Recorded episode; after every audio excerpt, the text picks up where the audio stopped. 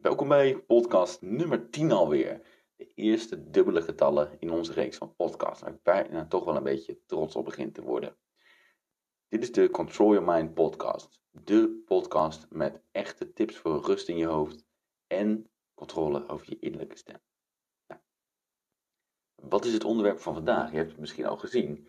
Dat is het verschil tussen gevoelens en emoties en hoe jij daar invloed op kunt hebben. Waarom ik dit zo'n bijzonder belangrijk uh, um, onderwerp vind, is omdat het bij veel mensen hier ook misgaat. Daarnaast uh, bestaan er honderdduizend opvattingen over emoties, over gevoelens. En zijn er waarschijnlijk heel veel experts niet eens met wat ik ga zeggen.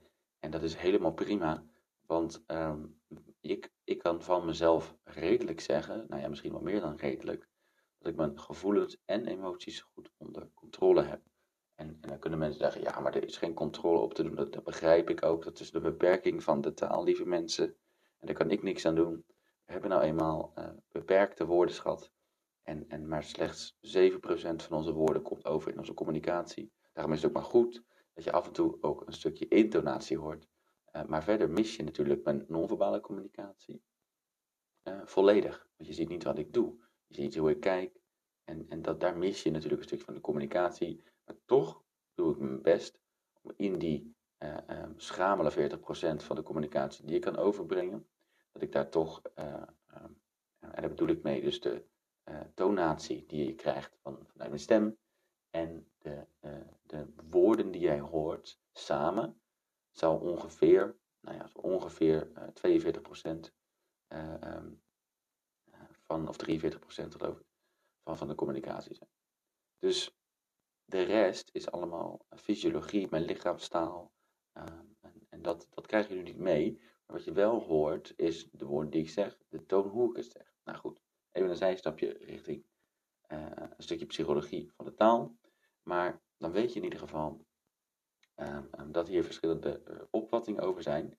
Maar dat ik toch wel kan zeggen dat ik dat aardig, uh, aardig doe met emoties. Veel mensen ik spreek, veel, veel cliënten hebben als doel om beter om te gaan met hun emoties. En, uh, um, of laat ik zeggen, ze zeggen, um, hoe zeggen ze dat nou ook altijd? Iets van, um, ik wil uh, betere emoties, of uh, ik wil minder emoties, of ik wil, ja, ja, beter, beter met emoties of zoiets. Of we krijgen dan op een, op een, op een blaadje aangeleverd. Um, en, en, en wat ik dan denk is, oké, wat wil je dan precies? Nou, ik wil helemaal niet meer die emoties voelen. Of is het wat anders? En ik vraag dus altijd door, wat betekent het voor jou dat je uh, beter, uh, betere emoties hebt? En, en vaak kom ik er dan op, snel op de conclusie dat die emoties er zijn. En dat vooral is om, ze mogen er wel zijn, maar ze willen er beter mee leren omgaan. Nou, sommige mensen willen een stapje verder gaan en die willen ook uh, minder, echt letterlijk minder vaak emotioneel worden. Of juist emoties weer kunnen voelen, waardoor, omdat ze nu helemaal geblokkeerd zijn en bijna uh, niks meer voelen, laat ik het zo zeggen. En, en niet meer in dat gevoel kunnen komen.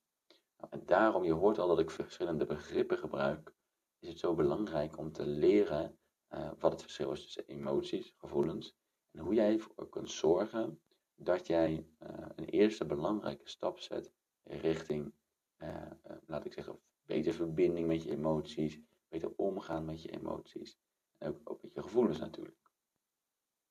Dat zal ik aan het einde van deze podcast ik natuurlijk weer een geniaal idee voor je hebben, waardoor het voor jou veel relaxer gaat worden en veel fijner en dat je al een stapje kunt zetten met beter omgaan met je eigen gevoelens, met je eigen emoties.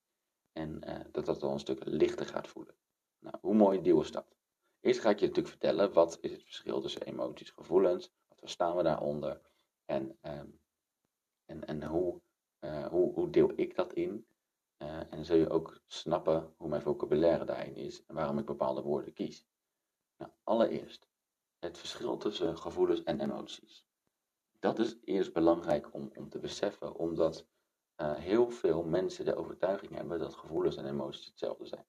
Nou, als je daarin in gelooft, dat kan, en daar zit vast misschien wel een of andere waarheid achter, uh, of in ieder geval een uitlegbare feitelijke onderbouwing, um, dan, dan, dan dat is prima. Alleen dat zijn wel de mensen die zichzelf vastlullen en niet uit het web komen van de gevoelens en de emoties die, die hen leidt de hele dag.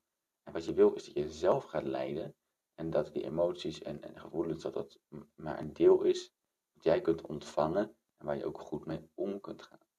Voor de meeste mensen betekent goed omgaan dat ze bewust zijn van hun gevoelens, dat ze daar ook uh, tijd en aandacht aan besteden, liefdevolle aandacht. En vervolgens dat ze ook in staat zijn om de emoties en de gevoelens die ze niet dienen los te laten. Kijk maar of dat een beetje voor jou klopt. Daar kan nog een vierde bij en dat is dus dat je eigenlijk het werkelijke voor gaat zorgen dat je minder um, um, vervelende emoties überhaupt krijgt, uh, zodat je er ook minder mee hoeft te werken. Dat is het uiteindelijke doel van veel mensen. En dat betekent niet dat je dus minder gevoelig wordt. Want ik ben heel gevoelig, maar ik ben niet emotioneel. En daar zit een verschil tussen. Want emotioneel, dat, dat, dat, dat ligt dichter bij sentimenteel voor mij, terwijl um, gevoelig bij sensitief leer. En daar zit een verschil tussen, die mensen. Waarom zit er zo'n verschil tussen? En dat, dat, is een beetje uit de theorie van, van, van HSP, dus van hoogsensitiviteit, is dat op het moment dat jij getriggerd wordt, dat jij iets onverwerkt hebt, dat jij uh, een bepaald patroon hebt, een bepaalde overtuiging, waardoor jij geraakt wordt, uh, daar kan de ander helemaal niks aan doen, dan, dan ben je eigenlijk uh, sentimenteel. Dan heb je last van emoties, van, van dat deel. En van, van gevoelens zoals boosheid of, of, of verdriet, angst, etc. Dus dat, daar heb je dan last van. Op het moment dat jij gevoelig bent, dus sensitief, dat is voor mij iets anders dan overgevoelig. En dus gevoeligheid, sensitiviteit noem ik de kwaliteit om, te kunnen, om dieper te kunnen waarnemen dat wat er is. En dat ook fysiek waar te kunnen nemen in je lichaam. Dus als ik bijvoorbeeld um, met iemand spreek, dan kan ik voelen wat diegene vertelt, omdat er bij mij iets resoneert. Dan kan iemand nog steeds een theoretische verhaal overleggen van ja, maar dat is dan je eigen deel. Maar dan heb ik het niet over de emotie. Ik heb het letterlijk over de fysieke sensatie dat iemand vertelt dat hij nooit zijn stem uit kan spreken en dergelijke. En dan voel ik in mijn keel gewoon een hele neutrale, voor mij, uh, blok in mijn keel. En dan denk ik, ja, dat is een sensatie. En dus dat kan ik voelen. Dat is een, een kenmerk van gevoeligheid. Nou, waar wil ik met je naartoe? Met deze voorbeelden laat ik zien dat er een verschil bestaat, in ieder geval voor mij, en kijk maar of dat voor jou klopt, tussen gevoelens en emoties. Gevoelens uh, zijn voor mij, is voor mij het fysieke waarnemen van sensaties in je lichaam. Gevoelens van warmte en van kou, uh, gevoelens van aanraking um, en dat soort sensaties. Dat is dus eigenlijk uh, je vijfde zintuig. Um, en naast de horen, zien, voelen, ruiken, proeven. Um, of zeg ik dat nou goed eigenlijk? Ja, ik, ik noemde voelen al in het rijtje. horen, zien, proeven, ruiken zijn nummer vier. En nummer vijf is dan voelen. En dat is voelen staat bij mij dus eigenlijk gelijk aan gevoelens. Eh, ik heb het niet over de gevoelens, hoe we het in de volksmond wel eens gebruiken van jij, um, jij maakt misbruik van mijn gevoelens. Eigenlijk klopt die stelling niet. Eigenlijk bestaat dat helemaal niet wat, wat er gezegd wordt, maar wordt er meer gezegd van jij door jouw gedrag komen er bij mij emoties vrij. Dat is eigenlijk de juiste stelling. En, um, want dit heeft niks te maken met gevoelens. Tenminste, niet zoals ik dat zie. Um, um, waar gevoelens dus eigenlijk wat meer feitelijk zijn. en, en, en ook minder afhankelijk van jouw verleden. Uh, heb je, zijn emoties interpretabele labels en betekenis van die, van, van die sensaties. Dus dat zijn bijvoorbeeld, ik voel me angstig. Dan zeg je natuurlijk wel, ik voel me angstig. Alleen het is inderdaad het waarnemen van het gevoel van angstig zijn. Alleen ik kan niet voelen hoe jouw angst is. Begrijp je? Dus dat is een. Uh, uh, ik kan wel voelen dat er een blok in mijn. of dat er een druk in mijn borst is. Of een gejaagd gevoel. Maar ik kan niet angst. Wat, wat is dat dan? Hoe, hoe ziet angst eruit? En, en, en waar zit het precies? Hoe beweegt het? Dat is veel lastiger om uit te leggen voor veel mensen. Die zeggen gewoon, ja, maar ik voel me gewoon bang. En het is natuurlijk een gevoel, een emotie die je kunt voelen en daardoor zo vaak gevoeld hebt. En dus, dus elk gevoel wat je hebt, zeg je ook, ik ben bang. Wat betekent meteen natuurlijk een grote valkuil is. Dat heel veel mensen, eh, voordat ze iets belangrijks moeten doen, voelen ze spanning en dan zeggen ze ook, ja, ik ben bang. Weet je wel, ik, ik durf het niet. Terwijl eigenlijk, je kan je die spanning, het gevoel van, van, van een trillende benen, dat gevoel van uh, een, een, soort warmte uh, in je armen of weet ik veel wat, wat jij voelt, uh, warmte van, van, van druk op je borst, of een gevoel van druk op je borst, je ook als bijvoorbeeld gezonde spanning labelen. Daarmee wordt het een andere emotie. Dus dat maakt het zo, zo, zo verschillend en zo belangrijk om, om onderscheid aan te brengen tussen die twee. Ja.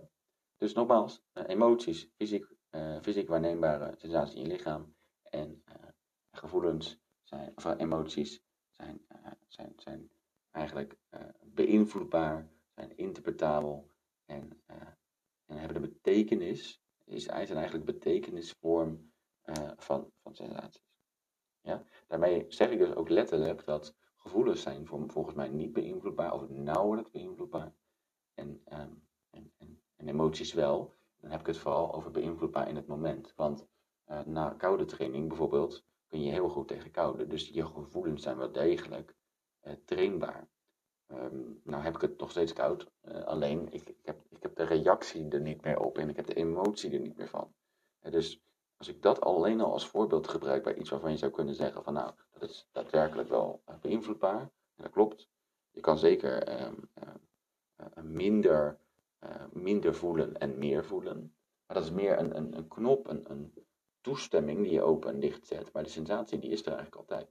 De vraag is, ben je ervan bewust en kun je het helemaal toelaten?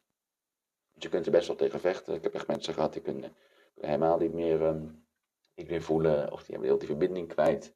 En dan, uh, en dan moet je ze weer trainen om dat weer te voelen. Nou, um, als je weet dat, dat deze verschillen bestaan, dan is het belangrijk om het volgende ook te weten gevoelens is niet alleen maar het waarnemen van fysieke sensaties in het lichaam. Dat heb ik even als definitie gebruikt. Want er zijn gevoelens, zijn er eigenlijk in twee soorten. Je hebt dus die fysieke sensatie, dat is dus de vijfde zintuig. En er is ook nog zoiets als een zesde zintuig. En, en ik noem dat zelf intuïtie. Dus eigenlijk is dat weer wat anders dan, dan gevoelens. Maar voor, eh, voor het gemak ehm, heb ik die daar toch bij ingeschaald. Uh, het is een vorm van, van voelen. Alleen, ja, je kan discussiëren over, is dat nou een zesde zintuig, ja of nee, of hoort het nou gewoon bij voelen? En is dat het innerlijk voelen versus het uiterlijk voelen? Nou, daar kun je allerlei uh, discussies overheen gaan, maar ga er maar even vanuit dat je gevoelens hebt in twee soorten. Dat is één is het fysiek waarnemen van sensaties. Dat zou je bij wijze van spreken nog, uh, als je elkaar op een scan aansluit, zou je dat nog kunnen, kunnen aantonen. Terwijl dat diepere gevoel van intuïtie, naar je gevoel luisteren, en dat stuk, dat is een, een, stukje wat vaak onbenoembaar is. Je kan dat niet uitleggen, maar, maar het is gewoon je gevoel. Het is ook daarom een van de beste argumenten om te gebruiken als iets niet goed voor je is, is ja, um, mijn gevoel, uh, ik weet niet waarom, maar kan er geen, kan er geen betekenis aangeven. Het lukt me niet om te snappen waarom, maar mijn gevoel zegt dat ik dit moet doen. Mijn gevoel zegt dat dit niet het juiste voor mij is. Nou, ook die gevoelens kun je uiteindelijk wel weer waarnemen in je lichaam, heel vaak. Maar niet iedereen. En het ligt een beetje aan hoe ver dat zesde zintuig ontwikkeld is. Ik heb op een dag uh, met mezelf afgesproken om een teken uh, met mijn lichaam af te spreken, met mijn hogere zelf. Uh, zodat ik kan gestuurd worden op basis van mijn intuïtie of iets goed voor me is of niet goed voor me is. En iedereen kan dit, maar niet iedereen is er even bewust van. Nou, gaan we even verder met um, um, emoties en, uh, en, en, hoe dat in elkaar zit. Want emoties, die heb je nog in, in, ook nog in bepaalde soorten. Ja, emoties zijn er in hoofdemoties, primaire emoties, laat ik zo zeggen, en, en subemoties. En de reden waarom ik even primair en secundair liever niet gebruik bij deze, is omdat er nog een indeling is die, waar ik zo nog op terugkom. Wat heel belangrijk is om te weten overigens. Als jij meer in, eh, in verbinding wil komen met je gevoel en, en, en, minder slachtoffer wil zijn van je emoties, minder in je emoties wil blijven hangen, minder last wil hebben van die vervelende emoties en meer de positieve emoties zou willen voeren in, in verhouding tot de negatieve waar je nu veel in zit waarschijnlijk. Nou, laten we het even hoofd- en subemoties noemen. Nou, we, we kennen wel, uh, uh, de, dus laat ik zeggen, de zes uh, basisemoties. Nou, hebben, nogmaals, dat heb ik wel eens een keer ergens gezegd geloof ik, hebben zoveel mensen daar ooit over gezegd, dat we inmiddels variaties hebben van, van vijf basisemoties tot 200 basisemoties. Dus um, Kijk maar voor jezelf wat klopt. Voor mij zijn de basisemoties uh, blijdschap, verdriet, boosheid, um, verwondering, walging en wat heb je nog meer? Um, heb ik ze nou allemaal gehad? Weet ik niet eens. In ieder geval de basisemoties, blijdschap, boosheid, verdriet, angst natuurlijk, ja. dus, dus ik hou meestal de zes aan, alleen je hebt daar inderdaad nog zoveel variaties in. Maar het is belangrijk om te weten dat, dat, dat alles is terug te herleiden naar een, naar een basisemotie, een hoofdemotie. Dus als jij zegt, ik heb bijvoorbeeld last van onzekerheid, dan is dat eigenlijk een subemotie van de, van de, van de hoofdemotie angst. Ja. Als jij zegt, uh, ik ben gefrustreerd, dan is dat een subemotie van de hoofdemotie boosheid. En, en je kan ook een gevoel van gelukzaligheid ervaren, bijvoorbeeld. En dat kan je dan weer relateren aan blijdschap, blijheid. Ja. Dus, uh, en, en hetzelfde geldt voor, voor natuurlijk andere emoties. Als je zegt, ik ben neergeslagen of, dat soort dingen is weer, zou je kunnen zeggen dat dat een subemotie is van bijvoorbeeld uh, teleurstelling en dat, uh, en dat het dat dan terug te herleiden is naar verdriet omdat het een soort uh, rouw is. Alleen ja, verdriet betekent niet altijd dat je tranen over je wangen stromen. Maar je kunt ook verdrietig zijn zonder dat je helpt. Dat is in ieder geval uh, hoe ik kijk. Dus het is altijd uh, terug te relateren. En het, voordeel daarvan is van die kennis, is dat je kan snappen dat op het moment dat jij een bepaalde emotie voelt, dat je kan snappen waar dat zit. Dus sommige zijn best wel tricky zijn best wel. Je hebt zoveel, je hebt honderden verschillende bewoordingen voor, voor emoties. Um, en, en, en, en, bijvoorbeeld als je heel erg uh, jaloers bent, ja, uh, waar zit hem dat dan in? Zit dat in voor jou dat je, laat ik zeggen, een beetje boos bent eigenlijk? Je vindt het niet eerlijk, je hebt onrecht, het gevoel van onrecht ervaren heel veel mensen, zeker al mijn klanten. Dus die hebben allemaal last van onrecht. Um, onrechtgevoelens. En, en dat, is, dat is ook logisch, want de wereld is ook niet helemaal eerlijk. Eigenlijk wel, maar dat, zo ervaar je dat. Um, en, en, en onrecht zit een stukje in boosheid, maar misschien ook wel een stukje in, in, in, uh, in angst. Van, of, of, laat ik zeggen, in, stukje um, ontevredenheid. Waarom, waarom gebeurt het bij diegene wel en lukt het mij niet? En, en daarin, in dat web van emoties, zitten heel veel verschillende mensen vast.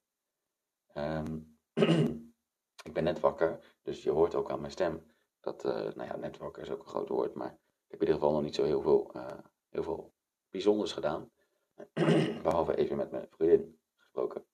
Die was ook vroeg wakker vandaag. Um, Emoties. Uh, dan gaan we het ook even hebben over de laatste vorm, en dat is primair en secundair. Waarom dat zo uh, belangrijk is om, om, te onderscheiden, is dat uh, veel mensen noemen wat ik net zei, die hoofd- en subemoties primair en secundair. En dat is ook prima een indeling, maar anders had ik natuurlijk geen woorden om, om deze vorm aan te duiden en moest ik daar weer van wat anders voor verzinnen. En um, ik kon wel zeggen, van, het is de bliksem en de donder, maar dan snap je het misschien niet zo goed wat, bedoel, wat ik bedoel en dat ga ik even uitleggen. Wat je hebt is, je hebt een primaire emotie. Dat is de emotie die vanuit je oerbrein komt. Dat is, dat is de, de, de, emotie die gerelateerd is met fight, flight, freeze respons. En je hebt secundaire emotie. En dat is de emotie die ontstaat doordat jij met jouw gedachten niet in staat bent om die gedachten te overmeesteren. En waardoor je denkt van, oh, had ik nou maar. Of, um, oh, en wat moet, ik, wat moet het van mij worden? Of de, oh, um, het gaat morgen, uh, wat als het morgen niet goed gaat? Dit is mijn enige kans om, om een nieuwe baan te krijgen. Um, of wat als mijn partner uh, weer bij me weggaat of weer uh, vreemd gaat? Of komt het ooit nog goed met onze relatie? Zullen we ooit nog echt weer die verliefdheid terugkrijgen? Ook gedachten van ik heb zoveel onrust in mijn hoofd. Creëert natuurlijk ook emoties. Kan dus ook een gevoel van verslagenheid, kan ook een gevoel van wanhoop veroorzaken. Ja. En dat ook, ook wanhoop is weer terug te leiden naar bijvoorbeeld een bepaalde angst of iets. Wat, wat, je weet het even niet meer. Um, als je kijkt naar dus die, die primaire en secundaire emoties, zou je bijna kunnen zeggen, klopt niet helemaal, maar de metafoor vind ik wel leuk, is dat, dat je die, die primaire emoties is de bliksem en, en dan heb je ook nog eh, de donder. Het enige uh, wat niet klopt in deze metafoor is dat je de donder altijd zal volgen op een bliksem en dat daar een aantal seconden tussen zit. En uh, de meeste mensen wachten op die donder. Nou, wat ik doe niet, als ik die emotie zie, als ik die flits zie, dan pak ik moordoppen en dan doe ik moordop in, bij wijze van spreken. En, of um, um, als je de, de God van de hemel zou zijn, zou je zeggen: Oké, klaar ermee, je blaast hard en de donder die gaat de andere kant op. Of je pakt je schild, je geluidsschild en je zegt: Nou, daar komt die donder aan. Uh, ik zie hem en ik hoor hem, maar ik kaats hem keihard weer terug. Ja, dus dat is wat je kan doen. De bliksem gaat zo snel en is zo intens uh, dat, dat kan je eigenlijk bijna niet weerhouden, met, behalve met een bliksemafleider. En die bliksemafleider is, wat mij betreft, iets wat, uh, wat jij in jezelf inbouwt. Op het moment dat je een coachingstraject ingaat en, en je een goede therapeut hebt, die ervoor zorgt dat die bliksemafleider in jou gebouwd gaat worden. Waardoor die emoties, die schrikreacties bijvoorbeeld. Ik heb heel veel mensen die heel schrikkerig zijn. En dan weet ik altijd van, ah, oh, dat is interessant er zit wel wat. Um, en dat, dat dat er niet meer is. Bijvoorbeeld, ik had heel lang um, het idee dat op het moment dat, um, zeg maar even een voorbeeld, uh, hoe had ik dat nou precies? Het is bizar, want ik weet af en toe dus niet meer uh, hoe dat nou precies zat, omdat ik er dus geen aandacht meer aan besteed. Enorm met mijn, uh, met mijn, met mijn kop in het nu en in de toekomst zit. En, en weet dat de persoon die, hoe, hoe vaker ik herinner uh, hoe ik was, hoe meer mijn brein zal worden getraind om in het verleden te gaan leven. Dus dat doe ik ook niet. Ik laat het los, ik ga verder en uh, ik leef in het nu en waardoor ik uh, nu geen probleem meer heb. Nou, vroeger had ik dat wel en had ik bijvoorbeeld heel sterk een reactie op, op het moment dat ik een, bepaalde vorm, een kans kreeg op teleurstelling of wat dan ook. Schoot eigenlijk al een gevoel door me heen van ik moet iets doen. Om te voorkomen dat ik word afgewezen of dat het niet goed is. Ik moet in actie komen en meestal ging ik dan nog harder werken. Slijmen of um, op de een of andere manier erkenning zoeken. Of ik ging me zorgen maken. En, en, en, dat was een best wel een heftige gevoel wat opkwam. En dat was dus in eerste instantie de primaire emotie, die vaak verbonden is aan hoe ik het zie, is dat veel verbonden aan trauma uh, aan, aan, en we hebben allemaal trauma. Dat betekent niet dat als je, uh, dat je geen emoties kunt hebben zonder dat je trauma hebt. Want reken maar dat als jij lekker buiten wandelt en er springt een tijger voor je neus, dan kan je nog zo uh, traumavrij zijn, maar dan gebeurt er echt iets met je.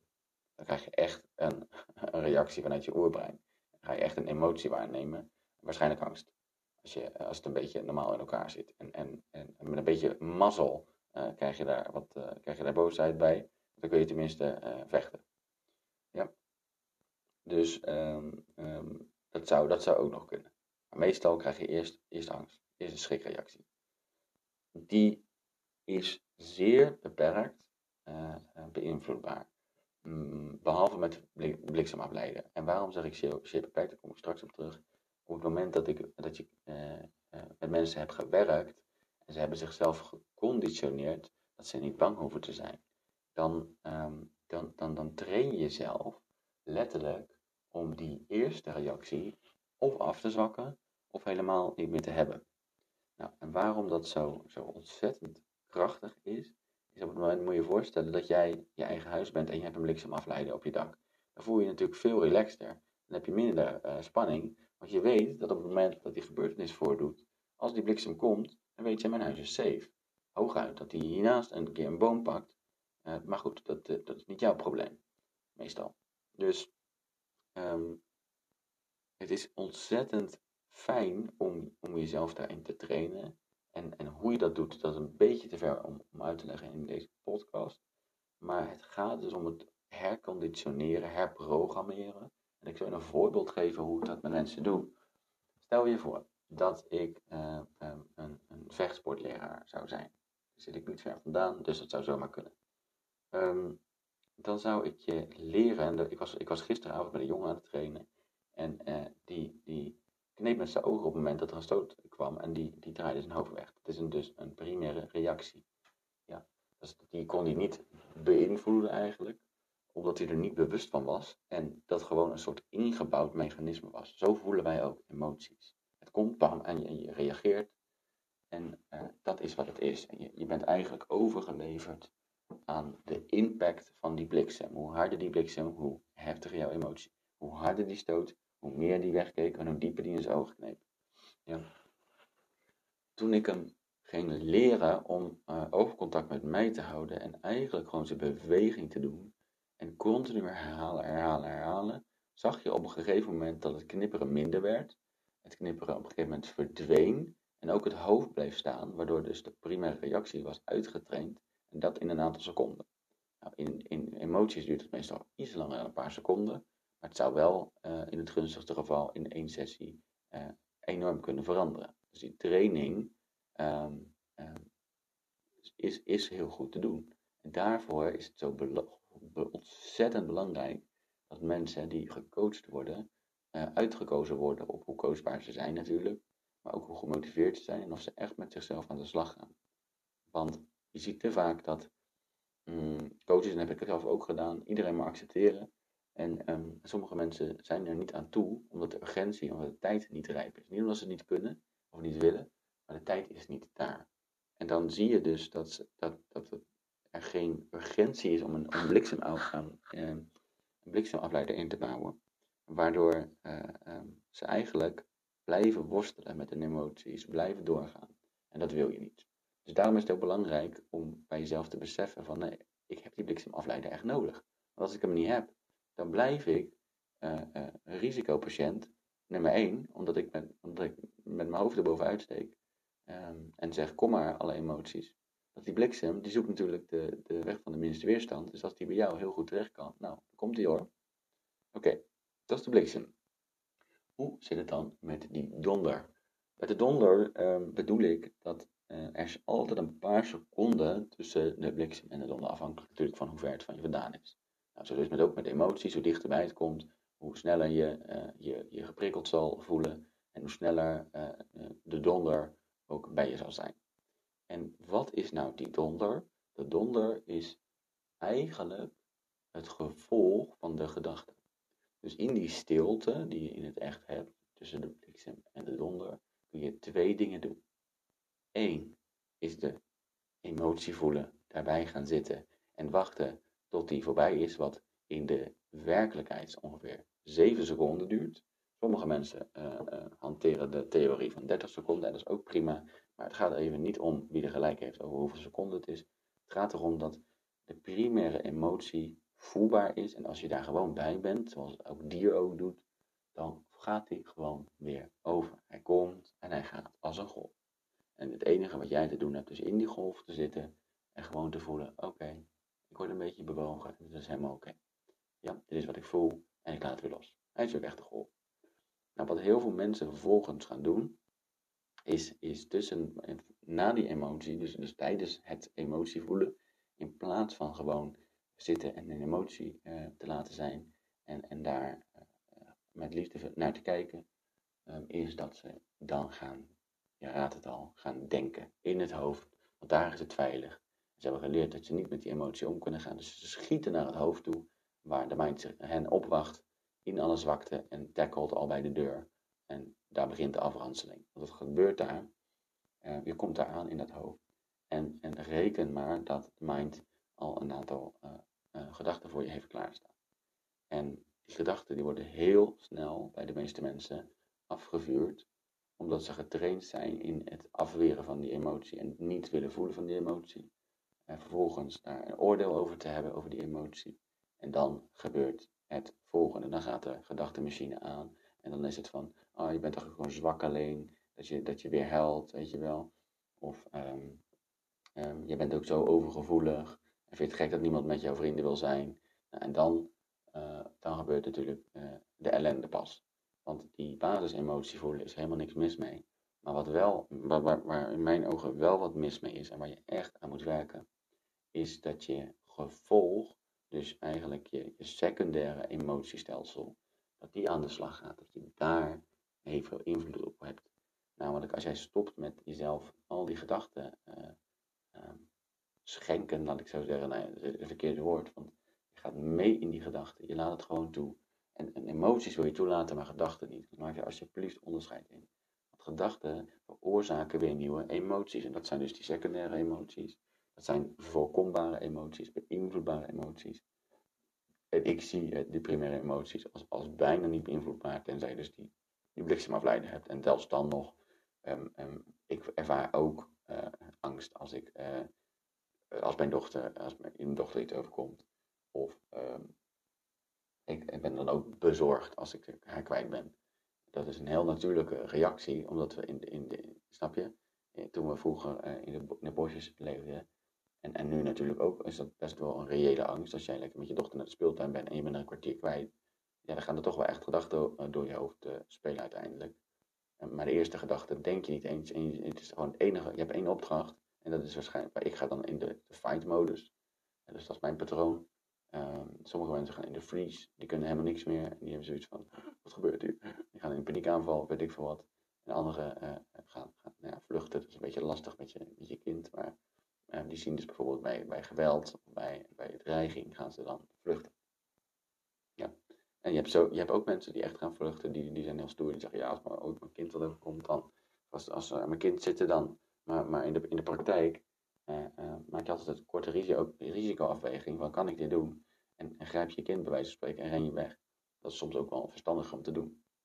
Oké, even terug naar die beïnvloedbaarheid van emoties. Wat je daar dus mee wil is op het moment dat jij de, dat jij de ruimte tussen de bliksem en de donder leert gebruiken en groter leert maken. Want je kunt daar dus door meer afstand te nemen van, uh, van het hele bliksemverhaal, kun je natuurlijk ook voor zorgen dat je verder uit die onweer blijft. Nou, en, en als je dat lukt, heb je dus meer tijd en jezelf trainen dat er meer tijd komt tussen de bliksem en de donder. Zo moet je maar zien. Jij bent eigenlijk uh, een beetje de bestuurder van jouw positie. Je kunt bepalen, nou, uh, ik blijf niet midden in het epicentrum. Oh, zo, even gaaf hoor. Oh, in het epicentrum van de, um, hoe heet het, van de storm zitten. En uh, ik ga eruit, ik, ik moet een stukje afstand creëren, zodat als die bliksem komt, dan heb ik tijd om op die donder te kunnen reageren. Nou, dat die donder komt, dat weet je. Dus dat, dat, dat, dat je mind klaar staat met een arsenaal een leger aan, gedachten, mannetjes die allemaal in je hoofd worden vrijgelaten. Met alle scenario's wat er mis kan gaan. Met alles wat je verkeerd hebt gedaan. Ehm, met alle zorgen in je hoofd. Met alle doemscenario's die netjes worden opgezomd voor je. Uh, achter elkaar worden afgespeeld op repeat. Uh, en jij wordt vastgebonden op een stoel. En je wordt gedwongen om te kijken naar het scherm. Uh, waar al die gedachten verschijnen. En dus jij uiteindelijk al die emoties door je lichaam gieren. Um, een van de dingen die ik met uh, mijn uh, cliënten doe, is dat ik ga trainen om een stukje tussen de bliksem en de donder, om daar in te grijpen. In te grijpen, zodat je ervoor komt dat je in een negatieve spiraal komt van gedachten die weer emoties veroorzaken. Emoties die weer gedachten veroorzaken. En op die manier is het wachten op ellende. Totdat je breekt, totdat je het niet meer kan. of ehm, dat het echt, eh, echt heel heftig gaat worden, waardoor je gevoel ondraaglijk wordt, of in ieder geval slecht draaglijk. Dus wat je wil, is daarin anticiperen. Ja. En daarvoor is het belangrijk om jezelf te gaan trainen ehm, eh, met een stukje, met laat ik zeggen het eerste stapje van, eh, van het voelen van je emoties en daar anders alles mee om te gaan. Nou, kijk nou eens bij jezelf om te beginnen. Dat is eigenlijk de opdracht voor vandaag. We gaan er geen 45 minuten van maken, want dan uh, haal ik het niet. Om op tijd te douchen, gedouchen zijn, om even wakker te maken. Um, maar ga nou eens beginnen met het opschrijven van de emoties die je vaak ervaart. Die je, um, um, die je van dag tot dag ervaart. Om, om inzicht te krijgen. En ik zeg al, ik doe bijna altijd een schrijfoefening, dat weet ik. Het komt omdat, omdat het zo belangrijk is dat je hier inzicht in krijgt. En dat je hier zoveel invloed ook op hebt. Ja. Ga nou eens eerst opschrijven welke emoties zitten hier vaak dwars. Het zijn vaak de secundaire emoties. Vaak de emoties waar je, waar je eh, kijk dat jij, dat jij angst hebt omdat er iemand voor je staat met een pistool. Dat snap ik ook wel. Ja, dat is geen probleem. Daar kan je zelf ook in trainen. Maar goed, dat is even nu iets van de orde. Dat is een andere, andere dienst, zeg maar. Ja, ander programma.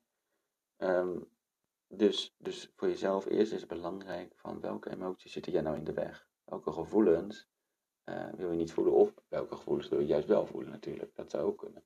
En maak nou eens voor jezelf onderscheid tussen sensaties en gevoelens daarin.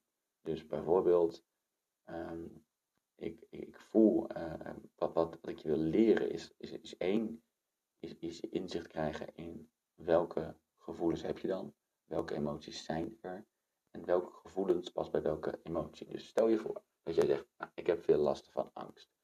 Hoe voelt dan jouw angst? Wat is het gevoel van jouw angstemotie? Schrijf die vraag maar op. Wat is het gevoel van jouw emotie? Dus in dit geval is het angst. Dus oké, ik ervaar veel angst. Wat is het gevoel dat daarbij hoort? Nou, dat is bijvoorbeeld het gevoel van, ik zeg maar even wat, een, een gejaagd gevoel, een drukkend gevoel op mijn borst, uh, um, uh, in de vorm van een uh, steen, ik zeg maar even wat. Het, en, en vervolgens, als je dan bij het gevoel bent, schrijf dan vervolgens drie gedachten op daarachter die uh, jou dit gevoel laten voelen. Dus wat gebeurt er tussen de bliksem en de donder? Wat gebeurt er tussen angst, een primaire angst, en, en, en het gevoel dat je nog meer banger wordt van alle ellende wat daar van al die gedachten die er tussendoor zijn gekomen. Dus welke gedachten hebben ervoor gezorgd dat je dit gevoel krijgt? Dus, en als je het niet weet nu, dan snap ik dat. Maar dan ga je dus um, na, volgende keer dat je dit voelt, ga je dus even na, oké, welke gedachten zijn er eigenlijk? ik, ik snap dat als je hier niet getraind in bent, dat het best uitdagend kan zijn. Stuur me dan even een berichtje als dat niet lukt. Dan, dan kijk ik of ik je daarin in kan helpen. Oké. Um, en als, als tweede oefening, dus dit gaat over emoties, wil ik je ook wat leren over het zesde zintuig. Dus uh, de, basis, de, de gevoelens je intuïtie is, um, um, is om, om een stap te maken richting het voelen van jouw intuïtieve sturing. En dat betekent is, zou je met jezelf een teken kunnen afspreken wat jouw lichaam jou geeft, jouw, hogere zijn, jou geeft via je lichaam, uh, voor het gevoel dat je op de goede weg bent, de ja die je wil hebben. Het gevoel dat je op de verkeerde weg bent en een nee, dus ik moet het niet doen. Je, je wordt gevraagd voor die verjaardag, moet ik dat doen, ja of nee? Ja, ik wil wel, maar ook weer niet. Nou, dan ga je dus, het is veel makkelijker om, om te gaan voelen, want dan zit je niet met dat spelletje in je hoofd vast.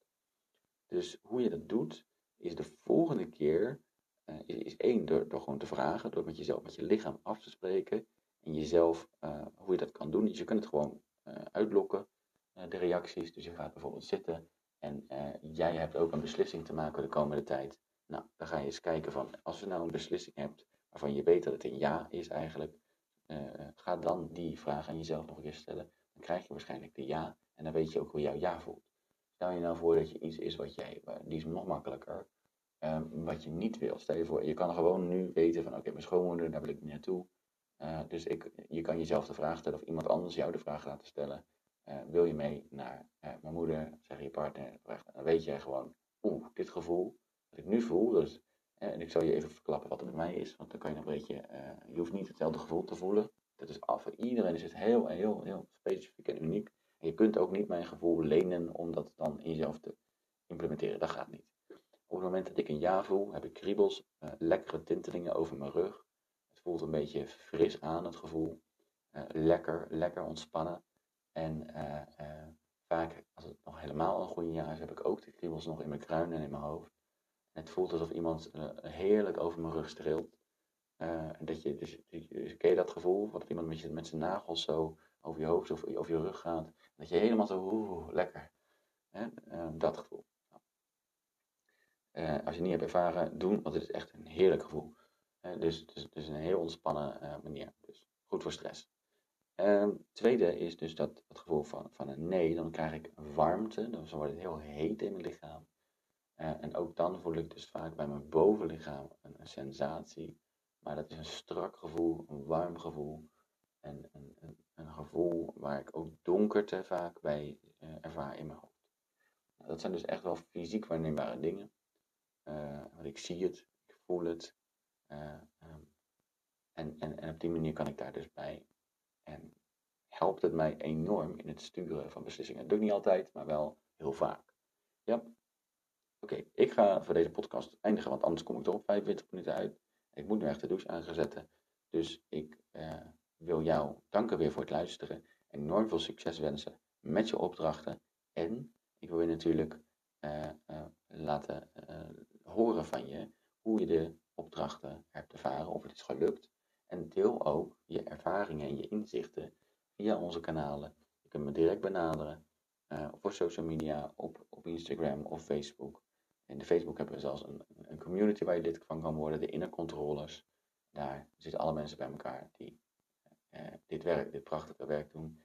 En die voor, uh, al mijn klanten zitten daar, maar ook, maar ook verschillende mensen die zich hebben aangesloten in de omgeving. En die, die samen op zoek zijn naar meer controle over een innerlijke stem, meer rust in hun hoofd. Dus ga daar zeker naartoe en deel ook je ervaring, deel je probleem, laat ik zo zeggen. Want dat moet je niet alleen dragen. Uh, vind je het leuk? Heb je deze podcast als tof ervaren? Ga dan even terug naar het hoofdscherm in mijn podcast. En geef dan eventjes alsjeblieft een like op die 5 sterren. Uh, um, zodat ik ook kan blijven doorgaan met dit prachtige werk. Goed, dan blijf ik uh, voor jou deze mooie podcast maken. Dankjewel voor het luisteren en tot de volgende keer.